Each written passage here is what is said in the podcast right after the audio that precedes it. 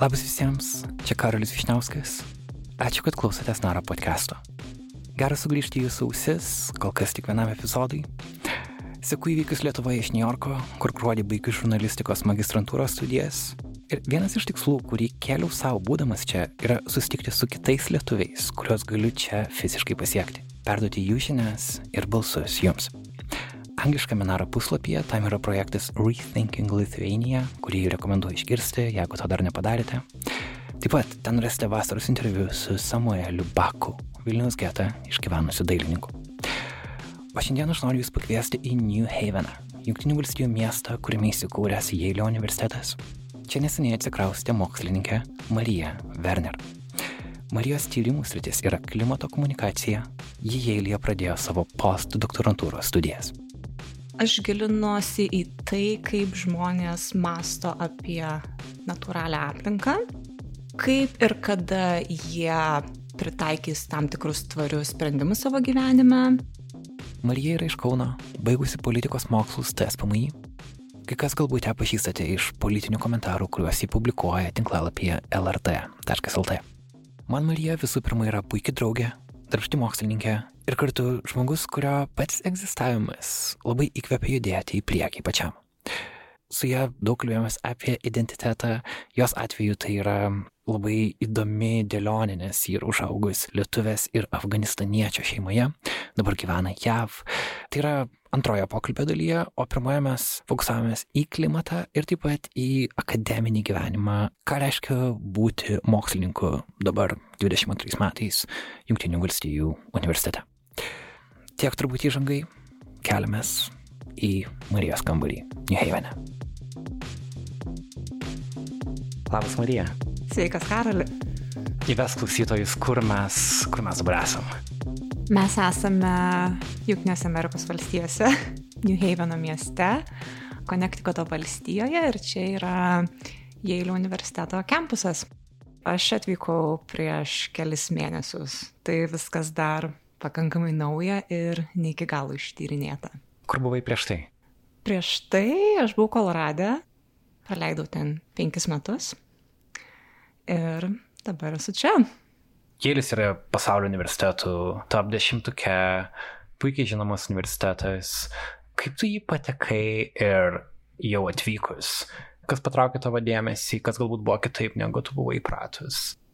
Jeilyje aš atsidūriau iš tikro labai konkrečių ilgamečių pastangų dėka, todėl nes šitas klimato kaitos komunikacijos centras uh, kuriame šiuo metu dirbu, jie tiesiog turi fantastiškai daug gerų duomenų, jie vykdo apklausas Amerikoje ir užsienio šalyse apie klimato kaitos ir aplinkosauginės nuostatas. Ir aš iš tikrųjų aš apie juos sužinojau dar, kai doktorantūrą mokiausi, um, aš sekiau jų darbus, aš užmačiau, kad jie samdo pausdokus ir visą laiką kažkaip stengiausi išlaikyti juos savo radarę.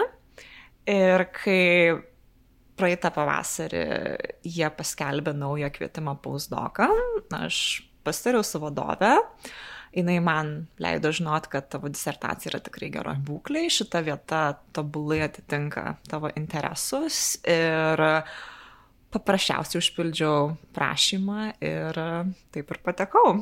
Tai va, nieko, nieko labai stebuklingo. Pats Jeilis visų pirma, jis, yra labai gražus. Tai yra vienas seniausių JAV universitetų, jis yra įkurtas sekant um, Oxbridge'o modeliu. Jeilis turi ypatingai stiprią socialinių ir humanitarinių mokslų bazę, jis yra labai, labai tarptautinis. Kai manęs paklausė, ne, kodėl aš šiuo metu, bent jau dirbu ten, kur dirbu, aš pateikiu dvi priežastis. Tai uh, Pirma, kas man labai svarbu, tai aš esu tarp labai motivuotų žmonių, kurie myli savo darbą ir dega tuo, ką daro. Ir tas man labai svarbu, tas padeda man pačiai motivuotis. O kitas dalykas, tai, kaip minėjau, jie turi labai gerus duomenis.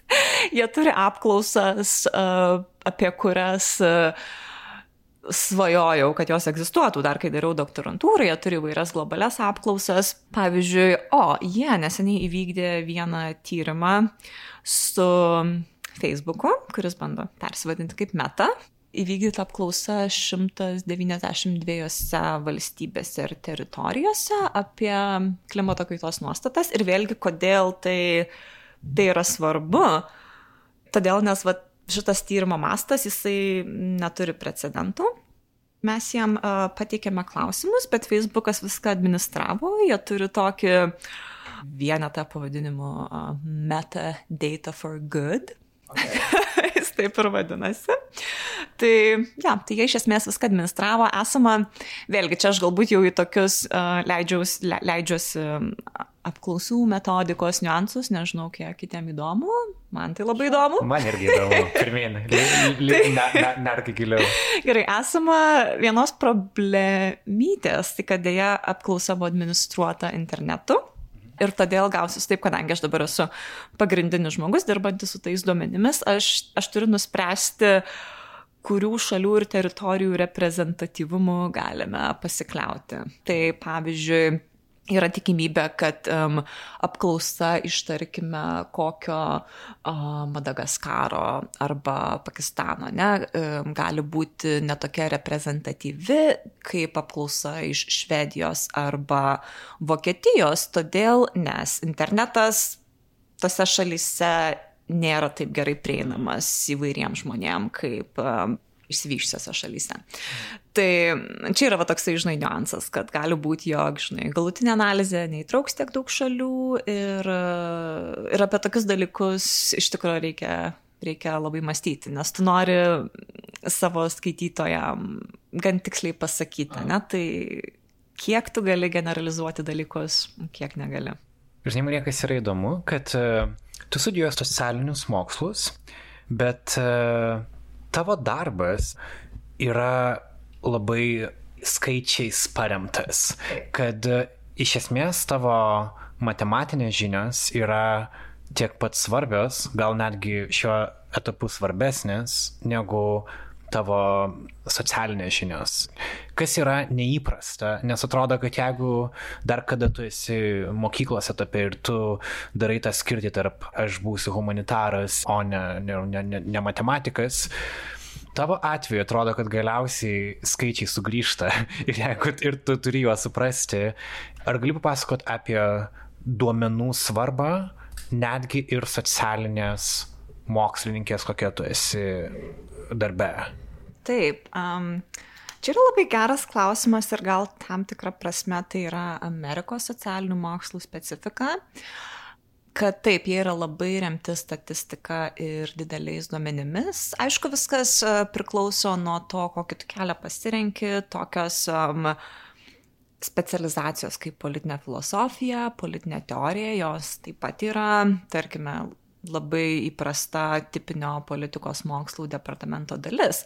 Tačiau jeigu tu renkiesi lyginamąją politiką, tarptautinius santykius, galbūt tu specializuojasi Amerikos politikoje, tai tikrai privalai pamėgti skaičius, statistiką, statistinį programavimą ir įvairius tokius dalykus. Ir man tai buvo pakankamai nauja, bet vėlgi kitas, ne, labai svarbus dalykas mano doktorantūros studijų metais, tai buvo šitus dalykus labai labai gerai kirsti. Ir vėlgi, žinai, priklauso nuo to, ką tu vėliau nori su tuo daryti, galbūt jeigu tu neįsi akademiniu keliu, tu visada turėsi darbo kaip gan stiprus duomenų analitikas. Tai čia buvo irgi vienas dalykas, kuris mane labai patraukė doktorantūrą. Uh, daryti JAV. Netgi iš tikrųjų pasakysiu žmonės, kurie pasirenka politinės filosofijos kelią, ne? netgi jiem yra taikomas reikalavimas mokėti bent bazinę duomenų analizę, ne? jie turi ten ir tam, tikrus, uh, tam tikras kompetencijas išsilaikyti, paskui jie jau atleidžiami nuo šitų dalykų, ne? bet tiesiog tas yra reikalinga, todėl nes um, jie turi būti pokalbio mokslinio pokalbio dalis. Ne? Ir tas pokalbis dėja dažnai yra grindžiamas dideliais duomenimis. Marija apie duomenys galėtų kalbėti daug ir ilgai. Jei šitą temą patinka, man patinka ją girdėti, aš tikiu, kad patinka girdėti ir jums. Tad paprašiau jos, kad pasidalintų kažkuo, kas ją nustebino rašant jo disertaciją Kolorado universitete klimato tema. Tai, pavyzdžiui, galiu pateikti vieną pavyzdį. Vienas iš labai įdomių atradimų mano disertacijai, kuris vėlgi atliktas yra naudojant didelės duomenų bazės ir um, statistinę analizę, buvo tas, kad um, Latino Amerikoje, vėlgi aš žvelgiu 17 šalių, savivaldybės, kurios patyrė stichinę nelaimę, žiūriu į kelių rūšių stichinės nelaimės, saustrą, potvinį ir gaisrus, tose savivaldybėse žmonės yra linkę labiau remti aplinkosauginę politiką.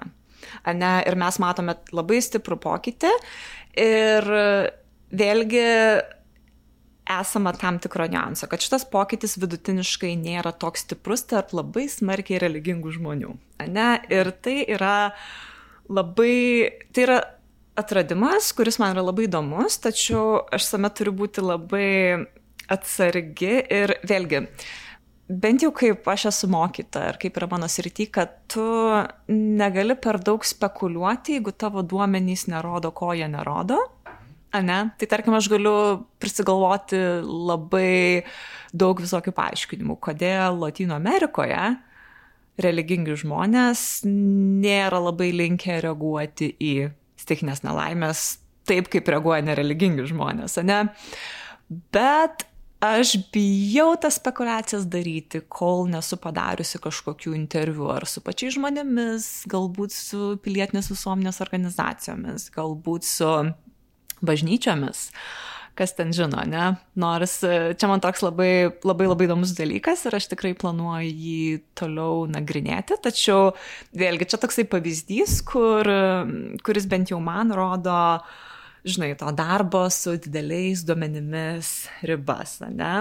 Aš prieinu kažkokį akligatvį, kur man jau reikia niuansų ir tuos niuansus aš galiu atrasti tik kalbėdamasi su žmonėmis. Marijos akademinis kelias prasidėjo nuo politikos studijų Vilniaus universitete, TSPMI. Tada jį baigė magistro studijas Londone ir galiausiai nusprendė išvykti į JAV. Tai buvo neįprastas, ilgas, sudėtingas kelias. Norėjau paklausti Marijos, ką jį išmoko jo eidama ir ką gali perduoti klausytojams. Aš manau, kad reikia nemažai dirbti su savimi ir labai nuosekliai dėti pastangas į kažkokį vieną konkretų dalyką. TSPMI yra absoliučiai nuostabi vieta ir aš turiu daug šiltų prisiminimų iš ten, bet um, ko kartais pritrūksta institutą pasibaigusiems žmonėms, tai konkretumo kartais atrodo, kad tu toksai gerai pakalbėti ir kažką parašyti galintis potencialus visų galų meistras ir tai kartais tave šiek tiek paralyžiuoja, ne? Ar tai kartais tuos, tai yra, žinai, darbo rinko vadinamieji tokie minkštieji įgūdžiai, tai ne visada yra lengvai parduodama, ne, vat, einant darbintis ar, ar, ar kažką, žinai, panašaus darant. Tai, man atrodo, vienas dalykas yra svarbu labai pagalvoti apie kažkokius konkrečius įgūdžius, kuriuos galėtum pasiūlyti pasauliui, galbūt daug laiko praleidai gilindamasis į konkrečią užsienio kalbą. Vėlgi, aš neprašau visų tapti programuotojais arba domenų analitikais, bet va, susitelkiant į šitą dalyką tau gali labai daug kelių atsiverti. O į ką, į ką susitelkiai tu? Aš nepamenu, kad aš būčiau kažką susitelkusi. Čia geras klausimas. Aš, aš galbūt labiau kalbus, kalbuosiu su praeities savimi, kuri tiesiog labai džiaugiasi tuo, to tokio plataus išsilavinimo, teikiama nauda ir panašiai. Bet aš iš tikrųjų pamenu, kad um, pasibaigusi politikos mokslas, tartum atsveria kažkokia bedugnė, ne, ir aš manau, kad tai yra labai dažna, nesvarbu kokią specialybę, kur tu pasibaigė, ne, tas tiesiog sprendimas, o tai koks sekantis žingsnis geresnis. Ne, nu, pirmas dalykas, tai nu, nereikia lygintis su kursiokais, kuriems čia atrodo, o labai gerai sekasi, visi yra skirtingi, lygintis reikia tik su savimi. Ir um, Aš tiesiog kelis metus bimbinėjau po TSPMI. Tas periodas buvo keistas, ne, vat kažkokie tokie labiau freelance darbai, vėliau Londonas ir vėliau galų gale toksai suvokimas, kad, na, Marija reikia susimti ir kažką konkretaus daryti. Ir aš tiesiog prisiminiau tokį seną ilgalaikį tikslą, kad e, vis tik aš noriu toliau tęsti akademinę karjerą ir noriu tą daryti JAV. Būtent dėl to, kaip ten doktorantūros programos yra struktūruojamos, kaip jas yra žiūrima ir ką aš padariau. Aš tiesiog užpildžiau 20 prašymų. Teko išlaikyti egzaminus, yra netgi tam tikri tarptautiniai stomieji egzaminai, kuriuos reikia išlaikyti tam ir pateikti tam tam tikrus taškus. Jie vadinasi GREs, Graduate Record Examination, ir tai yra anglų kalba, tai yra tokia labai bazinė matematika, ten tikrai nieko labai sunkaus. Bet buvo tokių daug, daug žingsnių, labai daug širdies reikėjo įdėti motivacinius laiškus ir taip toliau. Ir vėlgi, aš siunčiau prašymus į daug vietų. Aš įsiunčiau 20 doktorantūros programą, aš gavau pakvietimus į tris. Tai atrodo... Super. Super, ne, bet atrodo, kitas galėtų galvą nusirauti, ne, aš va ten nieko vertas, bet ne, taip nėra, aš ir gavau super. Turiu iš ko rinktis, pasirinkau Koloradą ir tiesiog atsidūriau ten. Gal tiesiog tas toksai, nežinau, nes nori tokių klišių mėtyti iš serijos, tikėk savimi, viskas įmanoma, nes, nu, yra daug, mes dažnai matome sėkmės istorijas, bet nepastebime daugybę nesėkmės istorijų, bet iš kitos pusės, man atrodo, net nereikia į gyvenimą per nelyg rimtai žiūrėti. Žinau, kad tas keistai skamba iš, iš manęs, bet nereikia į save per nelyg rimtai žiūrėti. Man atrodo, kad žmonės kartais yra tokie susikaustę ir per nelyg masto apie savo trūkumus, kaip kažką, kas juos stabdo, ne kažką, ką jie gali koreguoti arba tuo sužaisti. Nežinau, aš jaučiu, kad šitas atsakymas parodė, kad man tai didžiaja dalimi buvo ir pasitikėjimo savimi auginimo kelionė. Ir paprasčiausiai taip, nuostatų keitimas. O kurioje kuria vietoje čia vyko pasitikėjimo savimi momentas? Po to, kai gavai tuos tris teigiamus atsakymus? Iš esmės taip. Bet tu turėjai turėti šiek tiek pasitikėjimo savimi taip. prieš išsiusdama, nes kai tu siuntėjai, bent dalis tavęs turėjo tikėti, kad uh, galbūt mane kažkas paims, žinai, kad Taip. uh, tu nebūtum siuntus turbūt kitaip. Geras Bet klausimas. Čia yra sunkus momentas, vien išsiųsta pirmą paraišką. Ir čia vėlgi neišsisuksiu, nepaminėjusiu, kad vėlgi aš ne, nefunkcionuoju vakume, aš turiu santykių su vairiais žmonėmis, aš tiesiog turėjau labai gerą aplinką, labai gerą partnerį, kuris mane paremė ir kuris manimi tikėjo. Uh, kartais, kai tu pati savim netiki, bet tau kažkas kitas pasako, kad tu gali.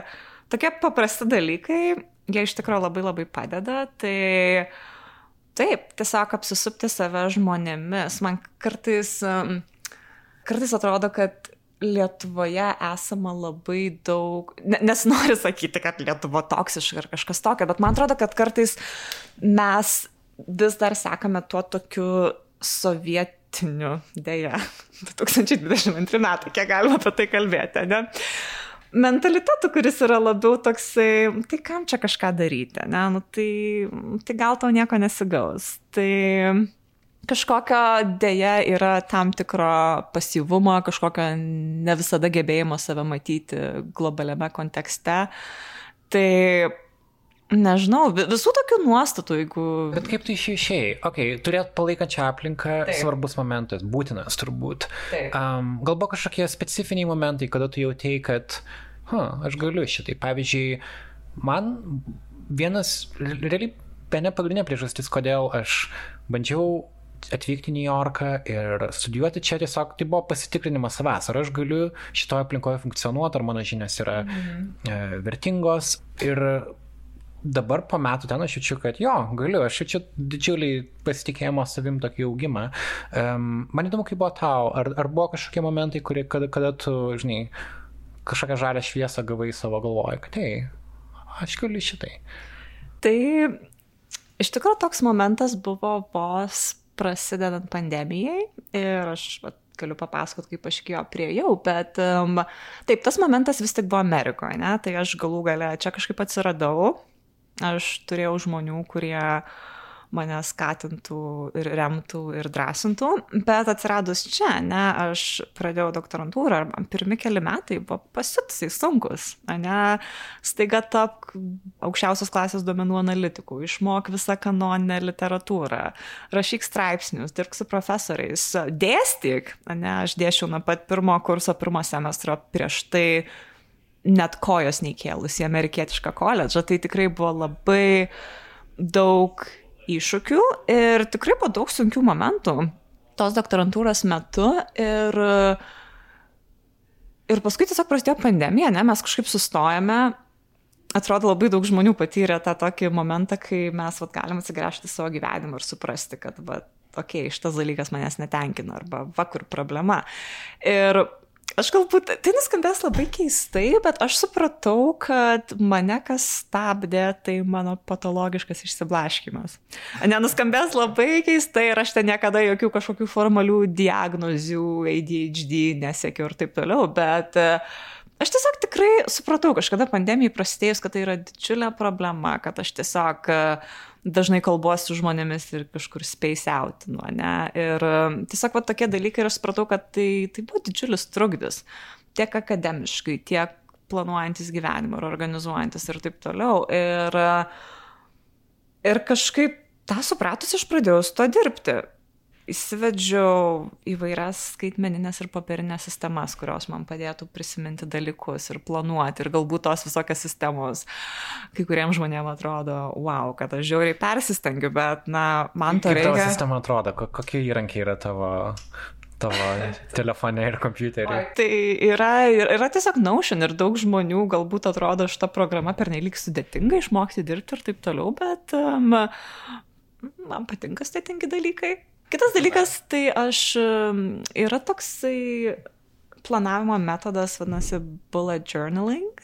Iš tikrųjų, netgi Lietuvoje man yra tekę matyti socialinėse tinkluose tam tikrų bendruomenių, būdavo toksai saulėtas planuoklis, Instagram paskyra, kur žmonės iš tikrųjų sekdavo tuo metodu ir rinkdavosi. Ir tai yra tiesiog tam tikras būdas planuoti savo dienas, mėnesius, galbūt savaitės. Kaip, jis veikia? Jisai veikia tokiu vadinamuoju rapid logging principu. Iš tikrųjų, žinai, aš tau gal net galėčiau parodyti dabar. Parodyti. Net neturiu paranką. Ne, dabar neturiu paranką. Kur mano užrašinė? Tu vis dar nauja šitam uh, New Haven. Aš vis dar bute. nauja šitame New Haven. Ne? Tai vėlgi ir galbūt, galbūt kažkam atrodytų, kad turėti tokias muziejaus vertas užrašinės, ne, yra nu, kažkoks laiko gaišimas, ne? Perduosiu klausytojams, ką matau dabar. Tai yra reali užrašų knyg, knygelė, kny, knyga visa, e, popierinė, su tušinuku. Um, ir uh, čia yra daug lipdukų, daug skirtingų pabraukimų. Daug spalvų. Uh, jo. Aha, tai tarsi kalendorius, bet ir ne. Tai tar, tarsi kalendorius, jis yra išrastas tokio žmogaus, kuris šiaip yra grafikos dizaineris, Ryder Carroll.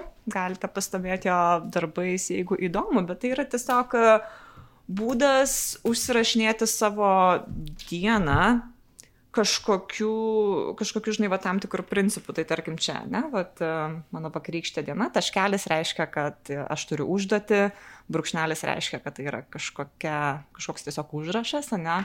Skrutuliukas reiškia, kad tai yra įvykis. Ir tai, tai yra tiesiog toksai labai labai smagus metodas, kurį tu gali adaptuoti savo poreikiam, tu gali savo knygelės daryti spalvotas ir sudėtingas ir paversti jas meno kūriniu, bet tu gali tiesiog naudoti juodą tušinuką ir nesirūpinti. Tai, bet, bet vėlgi, ne, mes čia kalbam apie labai konkrečius metodus, man atrodo, yra taip svarbu eksperimentuoti, kas tau tinka, kas tau yra svarbu. Man atrodo, kad planavimas yra dažnai labai pro akis praleidžiamas dalykas, nes žmonėms atrodo, kad tai juos labai suvaržys, jie atrodo nori mm. turėti laisvę ir nesustruktūruotą dieną, bet iš tikrųjų galų gale gaunasi taip, kad tu nesusi, nesusistruktūravę savo dienos, tu tos laisvės netenki, nes darbai sukrenta ir gaunasi visiškas chaosas. Paskutinį interviu dalį su Marija norėjau pasikalbėti apie jos šeimą. Kaip minėjau, ji užaugo Kaune, Jos tėtis yra iš Afganistano, jos mama yra iš Lietuvos. Tokių šeimoje Lietuvoje yra labai mažai, jeigu apskritai yra. Tai neabejotinai paveikia jos gyvenimą, jos identitetą, jos savęs supratimą. Bet klausimas kaip? Uždaviau jį Marijai.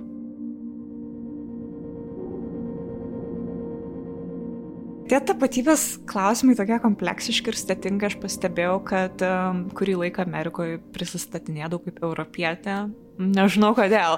Pastaruoju metu. Ką tai netgi reiškia? Ką, ką tai reiškia? Ne, aš manau, kad va, aš esu ta karta ir tu galbūt irgi esi ta karta, ne, kuri kažkaip augo jau nu, formavosi jau Lietuvai tapus ES nare, mes gavome įvairių pliusų galėdami dalyvauti įvairiose ES iniciatyvos, aš vad buvau Erasmus, Erasmus mainuose, buvo nuostabu.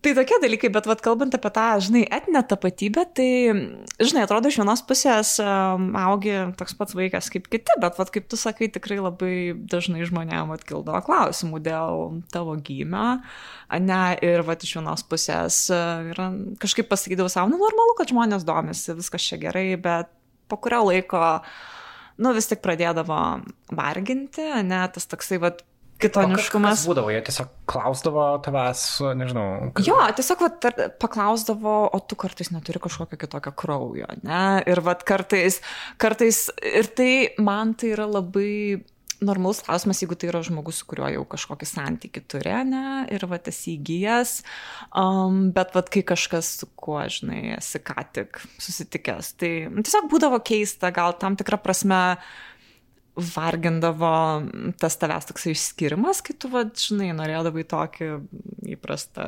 gyvenimą gyventi. Ir tai, vėlgi, tai čia tokios smulkmenos, bet, va, kaip tu, žinai, irgi minėjai, čia taip irgi nesleidžiant į smulkmenas, bet um, vaikai gali būti žiaurūs, patyčios mokykloje egzistuoja ir, žinai, bet koks menkiausias kitoniškumas gali tapti to objektu, galbūt tavo svoris, akiniai, mikčiojimas, nežinau, tai vat mano, mano atveju tai vat ir buvo tas, tai, žinai, odos atspalvis, tai tikrai yra, nu, buvę tam tikrų traumuojančių momentų vaikystėje, bet tai, žinai, kažkaip gal niekada pernelik nereflektavau, ką man tas davė, bet galbūt tam, tam tikro kiet kietumo, tam tikro, nežinau, gebėjimo pastovėti už save.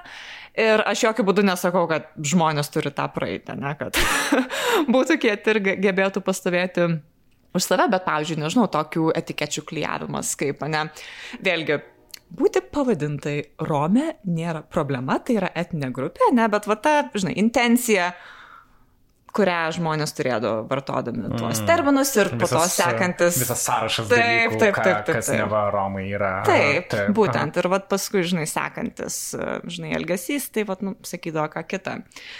Tai čia nežinau, vat, tokios tokelės ir aš, man todėl, vat, visą laiką labai buvo įdomu, tai kokios, vat, tos kitų vaikų patirtis, kurie auga mišriose šeimose Lietuvoje. Aš tokių žmonių iš tikrųjų nepažinojau niekada, aš žinau, kad jų daugėja, um, ypač dabar, jo, tai visą laiką buvo įdomu, kokios jų patirtis, bet kitas momentas įdomus tai, kad um, nors lietuviška tapatybė mano visada buvo dominuojanti, aš iš tikrųjų, aš net nesu lankiusis Afganistane, dauguma mano pusbrolių, pusėserių, tėtų dėdžių, jie gyvena vakarų Europos šalyse, aš turiu daugybę vėlgi pusbrolių ir pusėserių, kurie jau čia gimė ir kurie lygiai taip pat kaip ir aš jaučia, kad nu, reikia apsilankyti Afganistane, aš kažko labai svarbaus netenku, to nepadaręs, bet dėja.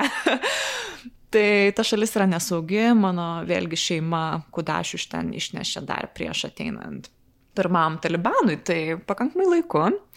Bet šiaip tai visą laiką buvo įdomus tas toksai dvigubas gyvenimas, nes mes daug laiko leisdavome Vokietijoje su pusbroliais pusėserėmis, nuvažiuodavome ten vasaromis. Um, aš nuo pat vaikystės buvau dvikalbė, aš iš tikrųjų, dar kol buvau vaikas, tai visiškai laisvai kalbėjau farsi, bet vat vėliau kaip nutinka, iš tikrųjų, vėlgi, turbūt daugeliu ir lietuvių emigrantų aktualu, kad, na, ta kalba, ypač jeigu jinai net nėra, ypač jeigu jinai nėra puoselėjimą, ne, dedant tam tikras pastangas, jinai nusilpsta, tai mano farsi šiuo metu yra pakankamai silpna, aš ją stengiuosi kuo labiau naudoti tebesišnekėdama su savo tėčiu, bet kartais jaučiu, kad, na, pritrūksta to žodyno ir, ah, persijungiu į lietuvių kalbą, ne?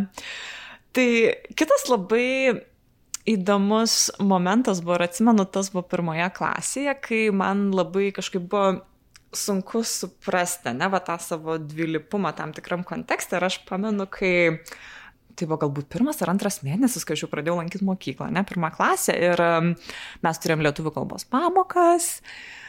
Ir aš paklausiau auklėtojas, o kada mes turėsime farsi kalbos pamokas.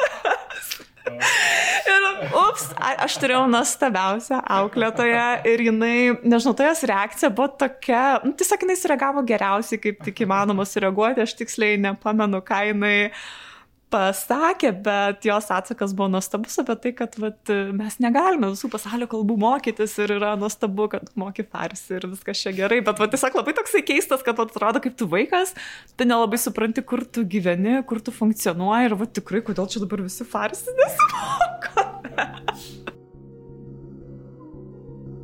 Būnant Junktinėse valstijose, tu permastai savo tapatybę nacionalinė tapatybė čia nėra tiek svarbi, kiek ji atrodo, kai tu esi Lietuvoje. Pavyzdžiui, klausi žmogaus, iš kur tu esi, gali netgi būti išeidu, nes tai suponuoja, kad tu nesi vietinis, kad tu esi atvykėlis, kad tu nesi lygus.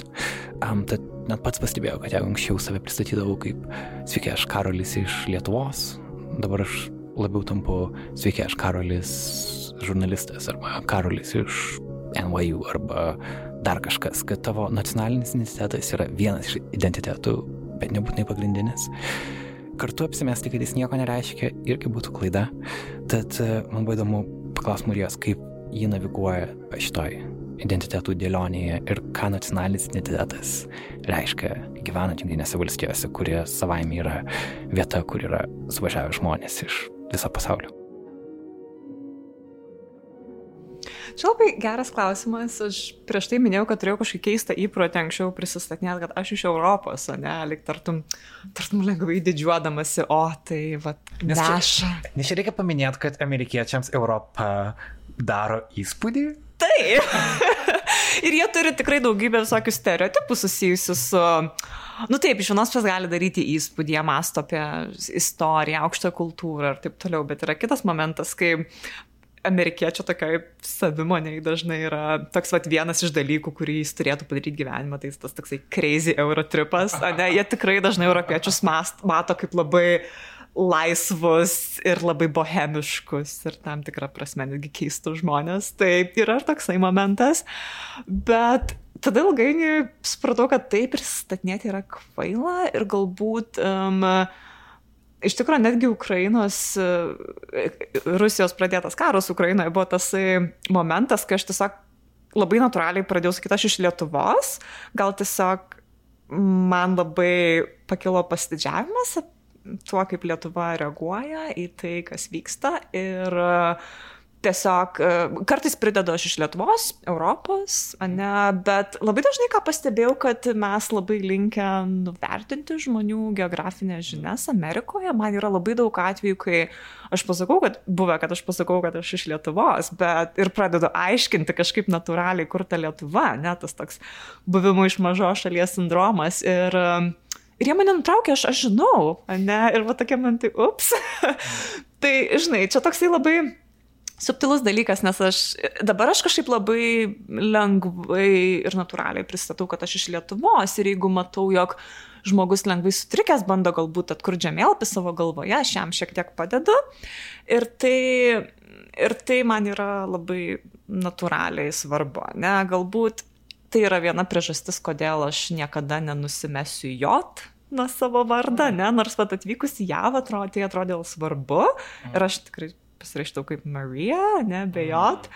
Ir dabar aš to nebedarau ir čia netgi mano disertacijos vadovė man yra paminėjus, kad, come on, Marija, žmonės susitvarkys su tuo, ne, ir mum yra gerai kažkaip turėti tą tokį, žinai, prieigą prie lingvistinės įvairovės. Mm. Tai čia yra vienas iš tų tokių, žinai, mažų dalykų ir jeigu žmonės netaip ištarė mano vardą, aš juos tiesiog pataisau ir jie, aha, sužino, kad jot galima tarti minkštai. Uh, Bet, žinai, labai įdomu, kad um, JAV ne, nejaučiu tokio momento, kad, na, taip, aš pristatinėjau kaip lietuvė, bet tikrai netrodau kaip lietuvė.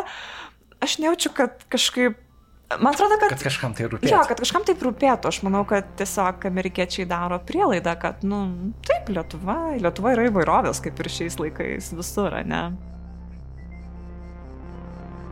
Marijai mūsų interviu atėjo pasiruošus.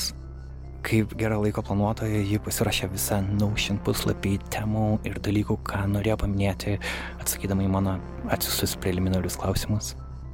Mes daug ką perėjome, kas tame dokumente surašyta, bet aš įtariu, kad ten likę kažkas, ko ji nepaminėjo. Norėjau paklausti, kas. Ar mes kalbėjom apie talentą ir pastangas? Uh, ne. Kažkiek. Tai čia irgi va toks dalykas, kas man labai padėjo, tai man atrodo, kad mes kaip visuomenė arba visuomenės esame labai sure, linkę sureikšminti talentą ir per mažai vertiname pastangas, ypač pastangas dedamas į kažkokį konkretų dalyką per daugelį metų. Ir tai, yra, tai tiesiog yra žinutės, kurias bandau perduoti jauniems žmonėms, kai su jais dirbu, ar tai dėstydama, ar mentoriaudama, kad um, viena didelė problema, ir tai tiesiog mūsų šių laikų pasaulio realija, tai kad mes dėja panaudosiu anglizmus, o ne gyvename tokioje skrolinimo ar swipinimo erdvėje. Ir man atrodo, kad um, šitie dalykai persmelkia įvairias mūsų gyvenimo sritis, tai kaip mes suprantame galbūt darbo veiklos pasirinkimą, kaip mes renkame santykius, gyvename vietą.